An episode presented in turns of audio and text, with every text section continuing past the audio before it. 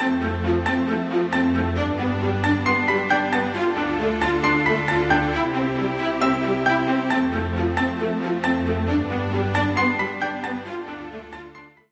welkom bij ons eh, webinar met betrekking tot Modern Management.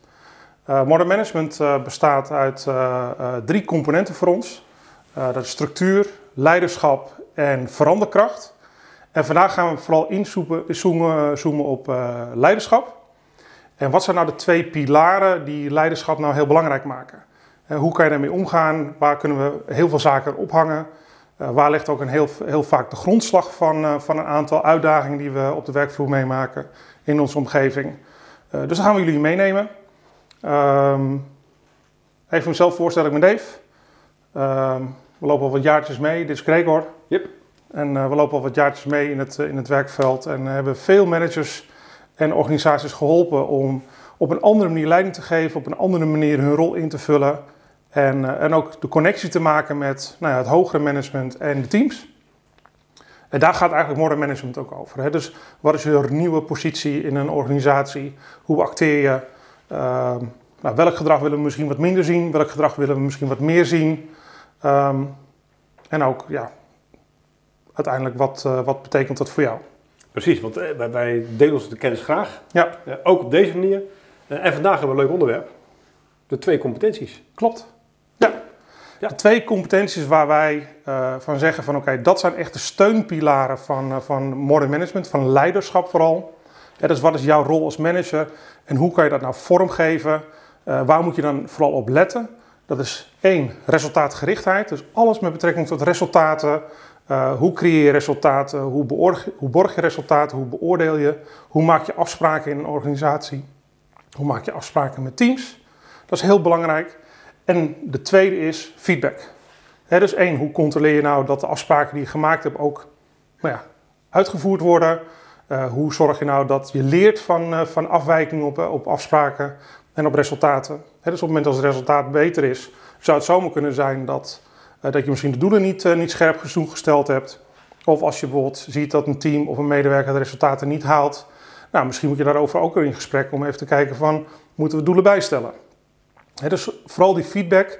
En het is niet alleen maar feedback van jou als moderne manager naar de medewerker toe of naar je teams toe. Het is vooral ook feedback ophalen van hebben we dit nou wel goed afgesproken? En kunnen we daar wat mee? Nou, dat zijn eigenlijk de twee thema's, de twee pilaren waarvan wij vinden dat de moderne manager ja, alles moet weten. Ja. En daar gaan we vandaag mee beginnen. Precies, ja, als je, als je dit snapt, dan wordt je werk leuker en word je zelf succesvoller. Ja. Dus dit moet je weten. Ja. Mooi. Ja, voor het beginnen, eerst even een uitstapje naar Klopt. een heel klein stukje theorie. Die theorie die komt eigenlijk bij al onze trainingen en webinars komt die een beetje terug. Dus uh, nou, ik zei bij de laatste keer geloof ik ook al van als jullie er moe van worden, dan uh, laat het weten. Wij, wij zijn er niet moe van, dus ik, ik ga er toch weer even over beginnen. Dat is dit model. En dit, dit is een geniaal model. Uh, we, we, kijken nu in, in, in, het kader van twee competenties van een modern manager, leiderschap. Maar het is veel breder toepasbaar dit. Het model heet Kneffin dat mag je van mij weer vergeten, Kneffin. Uh, het is verzonnen door uh, Dave Snowden. Klopt. Hij komt uit Wales en ja. hij vond het leuk om een naam te verzinnen die niemand kan uitspreken. Nou ja, dat is hem gelukt. Ehm, maar het model is geniaal. Dit is wat hij noemt een sense-making model. En dit moet je als modern manager moet je dit weten. Want er zijn namelijk vier domeinen, daar gaan we op inzoomen zo meteen heel kort. En die vier domeinen die bepalen eigenlijk hoe jij als, als, als, als modern manager je gaat organiseren. Wat je gedrag is. Uh, we zijn namelijk heel snel geneigd om in een bepaalde situatie ons voorkeursgedrag te kiezen. Maar niet in elke situatie is, is, ons voorkeursgedrag misschien het allerbeste om te doen. En dit leert ons wat is nou de beste strategie in welke situatie. Uh, nou, hij onderscheidt vier domeinen. Het kan zijn dat je zit in dit domein. En dit domein, obvious noemt hij het, het is voor de hand liggend, is oorzaak en gevolg heel dicht aan elkaar gerelateerd. Je doet iets en je ziet gelijk wat de gevolgen zijn. Uh, het voorbeeld dat ik heel veel geef is, een fiets. Je bent aan het fietsen. En ineens heb je geen tractie meer op je achterwiel en je, je, je traps gaan heel snel. Ja, waar ga je kijken? Je kijkt waarschijnlijk naar nou, je ketting. Dit is waar we procedures maken. Hè? Als mijn achterwiel niet draait, mijn, mijn trappers wel, kijk naar de ketting. Oorzaak-gevolg heel dicht aan elkaar gerelateerd. En dit is ook als je als manager, hè, dus op het moment als je ziet dat je als manager afwijking hebt op je proces of dergelijke, dan kijk je, oké, okay, is het een simpel iets? is het voorspelbaar? Is het, is het, is het duidelijk? Nou, dan passen we de procedure aan. dat, dat wordt er dan ook verwacht van jou als rol. Ehm, ja, moet je dat zelf doen? Zou ik niet doen. maar dat is wel iets waar je dan in zit. En dan hoef je niet een heel brainstorm sessie over te, op te starten.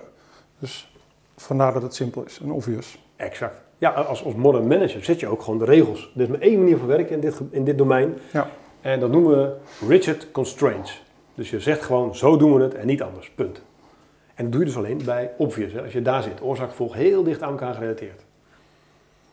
Als we dan naar dit domein kijken, naar complicated, ingewikkeld, uh, daar is oorzaak gevolg nog steeds wel aan elkaar gerelateerd. Maar het is wat gescheiden in nou, zeg maar tijd of afstand. Uh, het duurt wat langer voor je dat doorhebt. Um, het voorbeeld dat ik heel veel geef in training is: dit is je auto, je stapt morgens in je auto en hij start niet. Het is niet meer dat je een procedure hebt van dit ga ik doen en het is gefixt. Nee, waarschijnlijk. Ja, of je moet. Uh, ik heb ooit een keertje in de, in de training gehad, die was vroeg automonteur, die wist het wel te fixen, maar de meeste mensen fixen het niet. die zeggen, ja, wacht even, ik ga de ANWB bellen. Ja, maar dan ben je wel expert. Exact. Dat Daar gaat het om. Juist, precies. Daar gaan we het zo meteen over hebben. Ja. Maar stel je voor, je gaat de ANWB bellen. Uh, wat gaat die beste man doen? Uh, die denkt, ja, uh, ik ga kijken of er benzine in de tank zit. Nou, prima. Uh, stel je voor, je had een ander iemand gebeld, je garage gebeld. Misschien dat die had gekeken naar, staat er spanning op de accu? Ja. Andere manier van werken. Hey, dan zien we al dat die rigid constraints van obvious, die zijn niet van toepassing hier. Hier heb je meerdere manieren om het probleem op te lossen. Om die oorzaak gevolgen, om dat duidelijk te krijgen. en er is niet één manier goed. de man van de garage is niet goed of slechter of beter dan de ANWB-meneer. Het zijn gewoon twee manieren, zijn allebei goed. Uh, hier heb je dus een specialist nodig gedaan, een expert. Die gaat oplossen voor je. Die kan dat heel goed uitzoeken, zeg maar. Ja, die weet in ieder geval welke opties je zou kunnen, kunnen aflopen om uiteindelijk wel tot een bepaald effect te komen. Precies, die kan dus heel goed analyseren in deze situatie. Ja. Ja. dus dit is ook analyseren, wat we hier doen. Hier procedures, hier analyseren. En waar we hier dus rigid constraints hadden, gewoon één manier van werken, hebben we hier uh, ander soort constraints. Hier hebben we het uh, governing constraints, noemen we dat. Je moet binnen deze bandbreedte blijven. En dat werkt veel beter als je dus meerdere opties hebt. Dus rigid constraints, governing constraints. Je ziet al, als modern manager heb je een aantal stijlen misschien wel die je hanteert. En ook uh, hoe je omgaat met de mensen en wat, wat, wat voor omgevingen neerzet daarvoor. Nou, tot zover is het nog te volgen, maar nu wordt het ingewikkelder. Laat ik zeggen, complexer. Uh, want we gaan naar het domein complex. En hier raken we de uh, connectie tussen oorzaak en gevolg kwijt. Hier hebben we niet meer iets wat we kunnen voorspellen. Uh, dit is bijvoorbeeld de beurs. Dit voorbeeld dat geeft de beurs. We kunnen niet zeggen over twee weken ziet de beurs er zo uit. Het is onvoorspelbaar. Heel veel actoren in het systeem, heel veel zaken die invloed hebben op de uitkomst, kan heel veel kanten op. Onvoorspelbaar. Wat je hier wil doen is het systeem leren kennen door zaken uit te gaan proberen. Dus er zijn dingen onvoorspelbaar. Nou, ga dan niet, wat ik heel veel zie bij klanten, kijken of je stiekem toch nog hierin kan oplossen. Maar omarm dan die onvoorspelbaarheid. Zeg gewoon, het is onvoorspelbaar en, zorg dat de, je tactiek zeg maar, daarop is afgestemd. En waar we hier dus rigid constraints hadden en hier hadden we governing constraints. In een complexe omgeving hebben we wat we noemen guiding principles, richting geven. Uh, als je een keuze hebt te maken, kies dan hiervoor in plaats daarvoor. Dus dat is waar we bij complex naar kijken. Um, dan hebben we het laatste nog, chaotic. En nou, ik had net gezegd wat voor soort omgeving is het, hoe je die omgeving bestuurt. Chaotic is als brand. Er breekt brand uit, Dave we gaan die kant op en we rennen allemaal achter Dave aan en we zien later of het, of het, of het waar was of niet. Ik hoop het, wel, ik hoop het wel, ik hoop het wel. Ja. Dus hè, hier heb je actie als tactiek.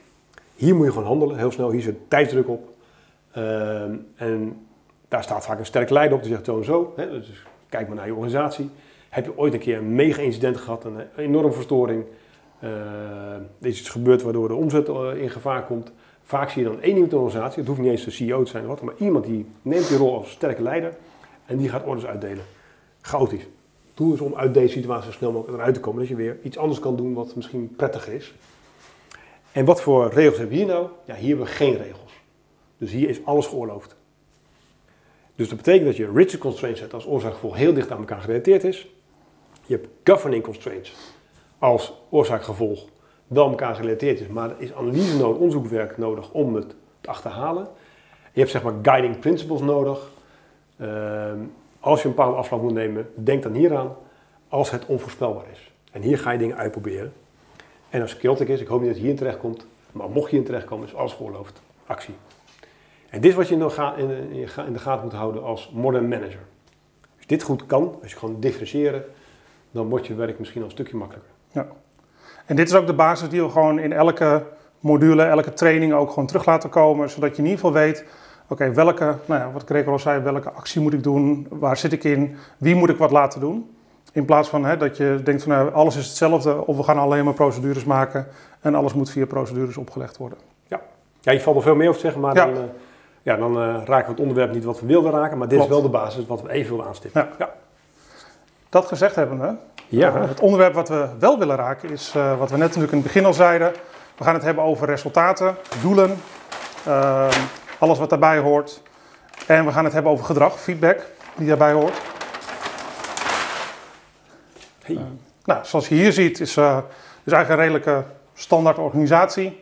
Ik denk dat de meeste mensen die, die hier naar kijken nog steeds wel in, in iets van dit soort structuren zitten.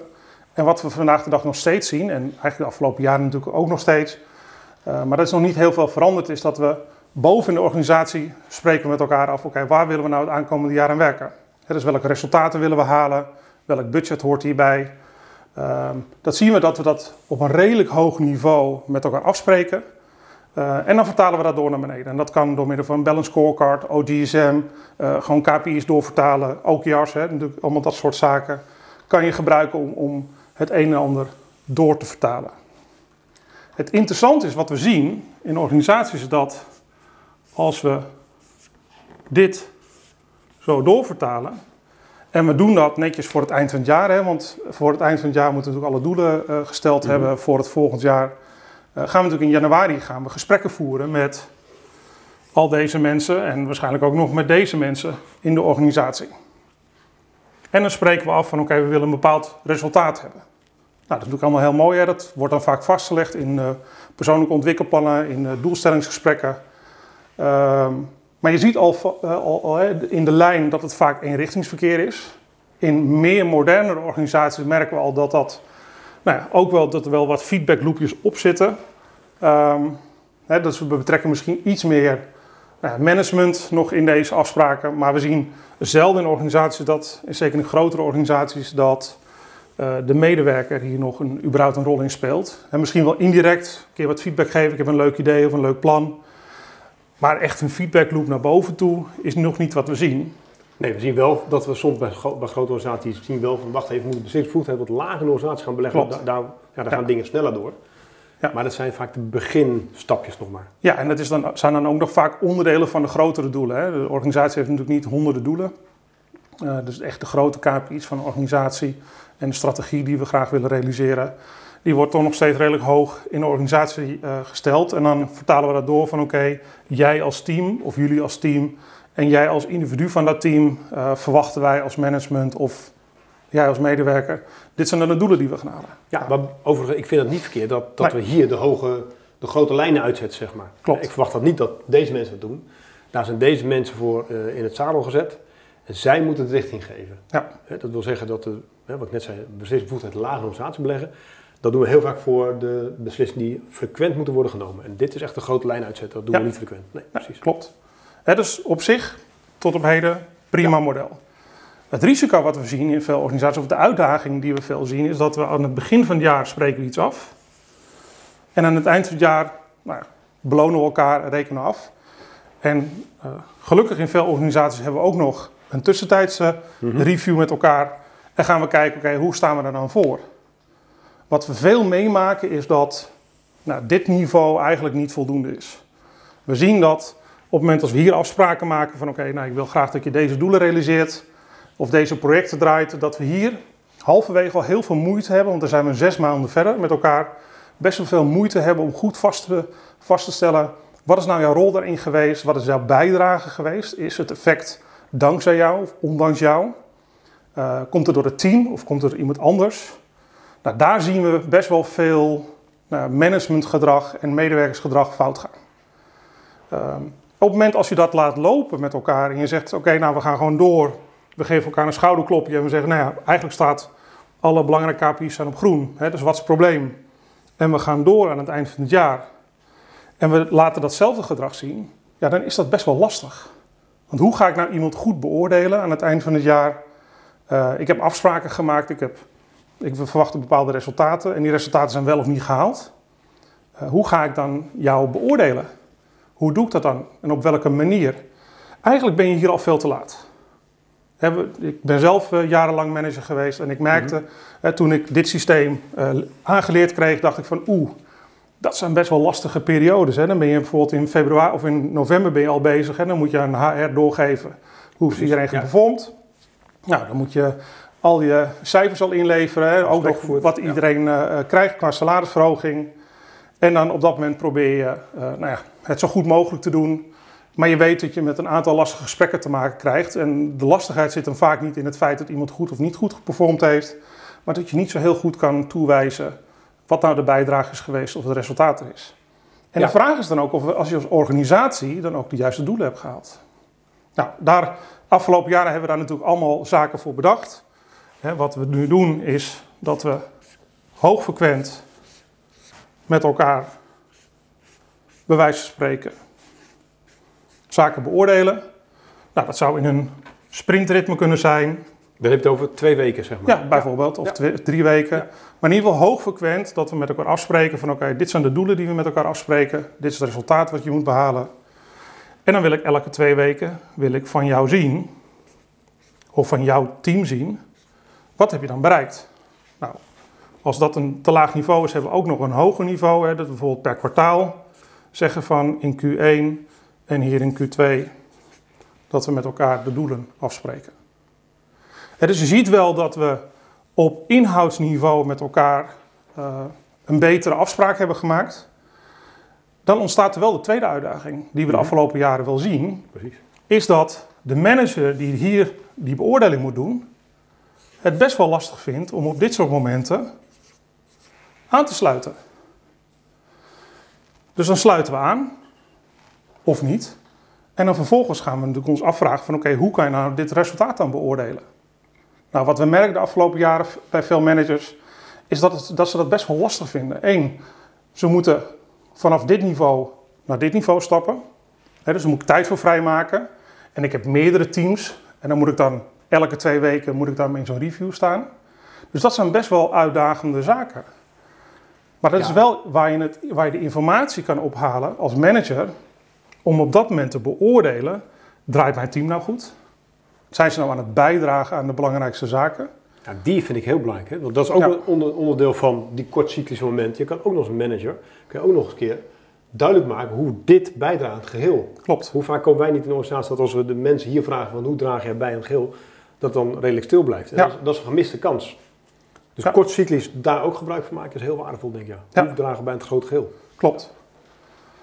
Dus dat, dat is al uitdaging nummer één. Nou, we adviseren alle managers in ieder geval dat gewoon zeker te doen.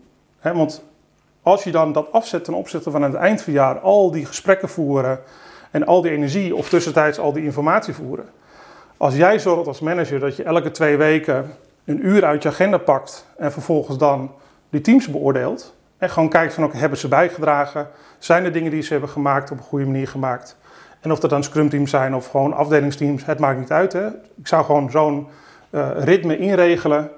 Want, en laat hun dan maar vertellen wat ze hebben bijgedragen. Laat hun dan maar uitleggen van oké, dit zijn de afspraken die we met elkaar hebben gemaakt. Dit hebben we gehaald, dit hebben we niet gehaald. Uh, en wat van hetgene wat we niet hebben gehaald, dit zijn de stappen die we gaan doen om dat uh, wel te realiseren. Het geeft je een enorm, ja, enorm speelveld om als manager gewoon uh, met teams in gesprek te gaan. Ja, je kunt bijna niet meer voorloven om vast te houden aan, aan één keer per jaar zeg maar, die gesprekken voeren. Klopt. En één keer per jaar een bijstuurmoment te creëren ook misschien wel. Ja. Uh, of die feedbackloop over en weer op gang te krijgen. Ja. Wat als de concurrent iets slimmer doet en veel Klopt. meer bijstuurmomentjes heeft. Ja. En veel beter inderdaad, hè, dat, dat is heel belangrijk, het geheel aan elkaar koppelt. Dus niet meer al die losse stukjes los van elkaar managen en dan al elkaar pieces erop en zeggen dat het allemaal goed gaat. Terwijl het geheel misschien niet helemaal goed gaat. Ja. Ja, daar heb je gewoon veel meer uh, checks voor nodig. Klopt. Ja. He, dus de, en dat zijn de checks op de inhoud. He, dus, dus uh, wat Greco zegt, heel mooi. Hè? Dus de doelen die we hier afspreken, zijn we met de juiste dingen bezig. Uh, klopt het ook dat we hier op medewerkersniveau en of op teamniveau nog steeds met de juiste dingen bezig zijn? En wat is de status en voortgang van, van het werk wat we doen? Super gaaf. Nou, dat is een van de hele belangrijke pilaren. Hoe, Hoe doe je dat dan? Hoe pak je dat aan? Nou, onze simpele tip is van, uh, ga dat gewoon doen. He, spreek dat met je medewerkers af. Zorg dat er een ritme komt. Um, hoeft helemaal niet in een agile mindset te zitten. Je kan gewoon he, met teams afspreken of met medewerkers afspreken. Ik heb een town hall sessie. Uh, we kruipen één keer per week of één keer per twee weken op een zeepkist.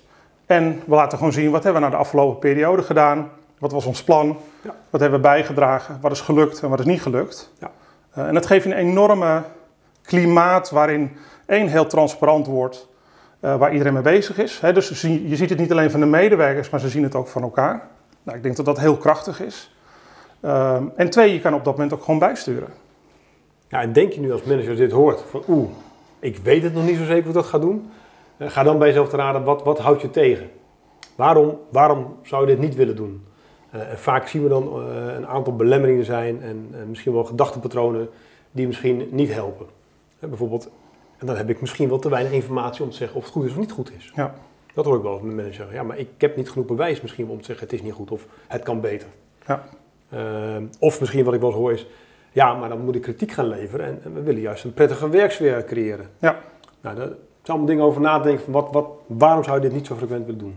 Ja, en, en, dat, en nou, nu raak, krijgen we natuurlijk meteen het tweede punt hè, waar, we het, uh, waar we het over gaan hebben. Is, we zien in heel veel organisaties dat dit op zich nog wel in te regelen is. We doen ook nog heel erg ons best om die manager te betrekken bij de situatie. Wat interessant is dan, van oké, gebruik je dan ook de transparantie die je geboden wordt? ga je als manager dan ook op dat moment ten overstaan van iedereen zeggen: Ja, het is leuk hè, dat jullie heel hard hebben gewerkt.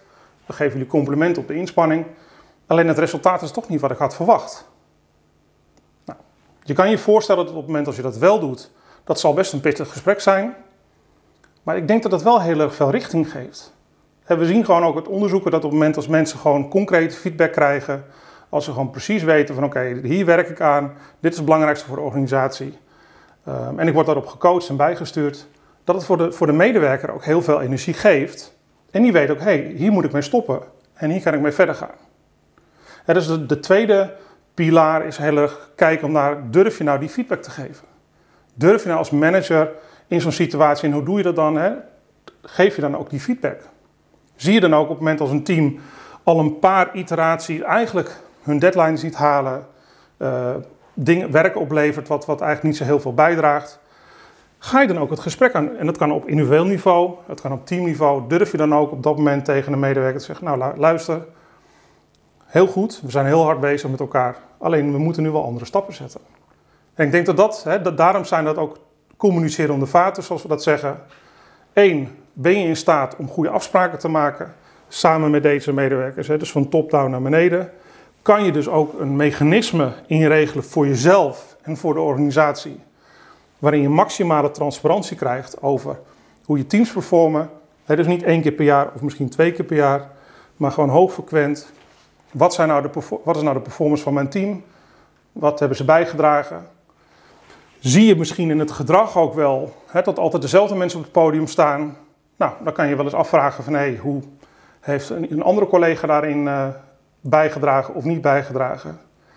En uiteraard wordt er ook van een moderne manager verwacht dat je dan feedback geeft. Exact. En dat kan zijn in complimenten uiteraard. Hè, jongens, geweldig gedaan, top, mooi resultaat. Op naar het volgende. En je mag best wel wat, even wat stretchen. Dus als je zegt, nou, dit hebben we relatief makkelijk gehaald. We zien dat we elke iteratie eigenlijk heel makkelijk onze doelen halen. En je denkt, nou, er liggen nog wel wat uitdagingen in de organisatie. Zou je je omgeving kunnen prikkelen om daar wat meer energie in te stoppen? En te kijken of ze daar uh, ze zelf op willen uitdagen. Maar zeker ook als je twijfelt of het de bijdrage en het resultaat dat de teams opleveren, nou, of dat wel op niveau is. Stel daar dan als manager ook vragen over. Ja. Maar het wat je laatst gaf is, eh, je zei tegen iemand, als dit je eigen geld zou zijn als manager, zou je dan hetzelfde geacteerd hebben. Klopt. Mooi. Ja, dat was hè, een, een, kwartaal lang hadden een aantal teams hadden gewerkt aan, uh, aan het opleveren van een aantal solutions. En uh, nou, we, zagen, we hebben heel erg ons best gedaan om transparant te maken van oké, nou dit hier hebben we aan gewerkt, dit was ons plan, dit hebben we opgeleverd, dit hebben we niet opgeleverd. Dus hier gaan we mogelijk volgend kwartaal mee aan de slag. En toen zei de uh, directeur van, van die afdeling, zei van, nou, top gedaan, hard gewerkt allemaal, geweldig, ik ben trots op jullie. Uh, ik wist dat er best wel veel niet, uh, niet opgeleverd was, wat op zich gewoon een constatering is en dan moeten we van leren. Hè? Dus dat is ook belangrijk als, als manager om te kijken van oké, wat zit er dan achter?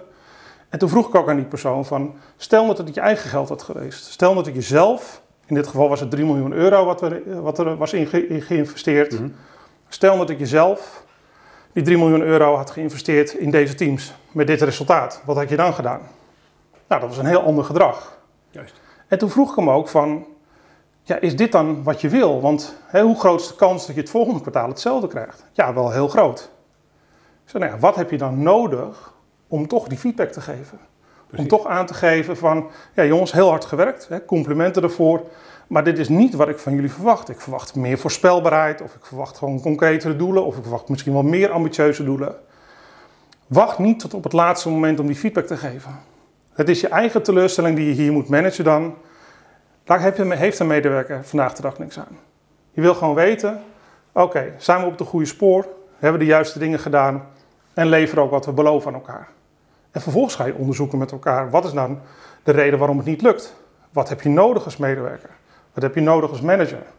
welke informatie, wat je net zei, van ja, ik kan het niet goed beoordelen. Nou, dan kan je als medewerker ook vragen, welke informatie heb je dan nodig om dat wel te kunnen doen?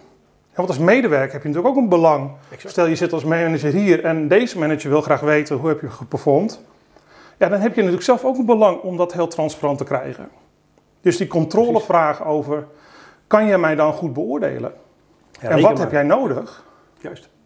Ik denk dat dat een hele cruciale vraag voor jezelf is. dus daarom vinden wij ook dat, dat dit de twee pilaren zijn van het moderne management. Eén, heel duidelijk gewoon op resultaten duidelijke afspraken maken. Alles wat daarbij hoort, dat kan van strategie zijn, tactische doelen, strategische doelen, uh, operationele doelen. En hoe je dat dan borgt, hè, procesmatig, maar ook gewoon in de ritmes van de teams. En twee, hoe gedraag je dan in die omgeving? Laat je het lopen? Er zijn managers die ook wel tegen ons feedback geven, zeggen, nou, dit is wel hard werken. En dan moet ik altijd naar die sprintreviews, ik moet altijd maar feedback geven. Ja, maar je kan het beter in kleine stukjes doen en dan aangeven: oké, ik wil, hè, je zijn op de goede weg, maar dat moet iets meer. Dan aan het eind erachter komen dat je zo ver af, afgeweken bent dat je moet interveneren en dat je moet ingrijpen. Of dat nou ja, het blijkt dat we überhaupt de doelen niet hebben gehaald. Ja. Nou. Reken maar dat die mensen hier werken, als jij management van een aantal teams, dat die elke dag naar het werk komen met waarschijnlijk wel twee vragen in het hoofd. Ja. Wat verwacht mijn manager van me en hoe doe ik het? Ja. Uh, dus het is ook je taak om daar feedback op te geven. Klopt. Ja, dus dat zijn twee pilaren. Hè? Dus hoe, we, hoe we het precies gaan doen, hè? dat, dat, dat die, die, die uh, helderheid krijgen op de doel die we afspreken, daar kunnen we ooit nog een keertje een andere uh, webinar over uh, optuigen, denk ik. Hè? Over OKR's en dat soort dingen, weet ja. ik wat. Maar heldere doelen en regelmatig feedback erop geven. Ja. En niet alleen geven, maar ook ophalen. Ja. ja. Nice. Oké. Nou, dat was het. Op naar de volgende webinar zou ik zeggen. Ja, nou, mochten jullie feedback hebben voor ons, of een andere mening hebben, of ons de mening delen of een vraag erover hebben, uh, ja, laat die achter in, uh, in onze social media. Dus in de YouTube-filmpje of in de podcast, of stuur ons een berichtje. Yes. geef ons vooral feedback. Als je er wat meer van wil weten, dat kan. Wat al zegt, we gaan zeker ook nog wat meer podcasts rondom dit onderwerp behandelen. Gaan we ook meer de diepte nog in. Ehm, we geven ook trainingen, uiteraard, op dit gebied. Dus hoe word je een moderne manager? Hoe richt je een goede structuur in? Uh, hoe ondersteunen verandering? Dus die drie pilaren, daar helpen jullie bij. We leveren ook binnenkort een academy aan. Daar kan je op inschrijven. Waar we al onze cases en informatie die we de afgelopen jaren hebben opgedaan. En uiteraard is dat nu steeds een ontwikkeling. zullen delen met jullie. Dus nou, hou dat in de gaten onze, op onze website. En tot snel. Yes, tot snel.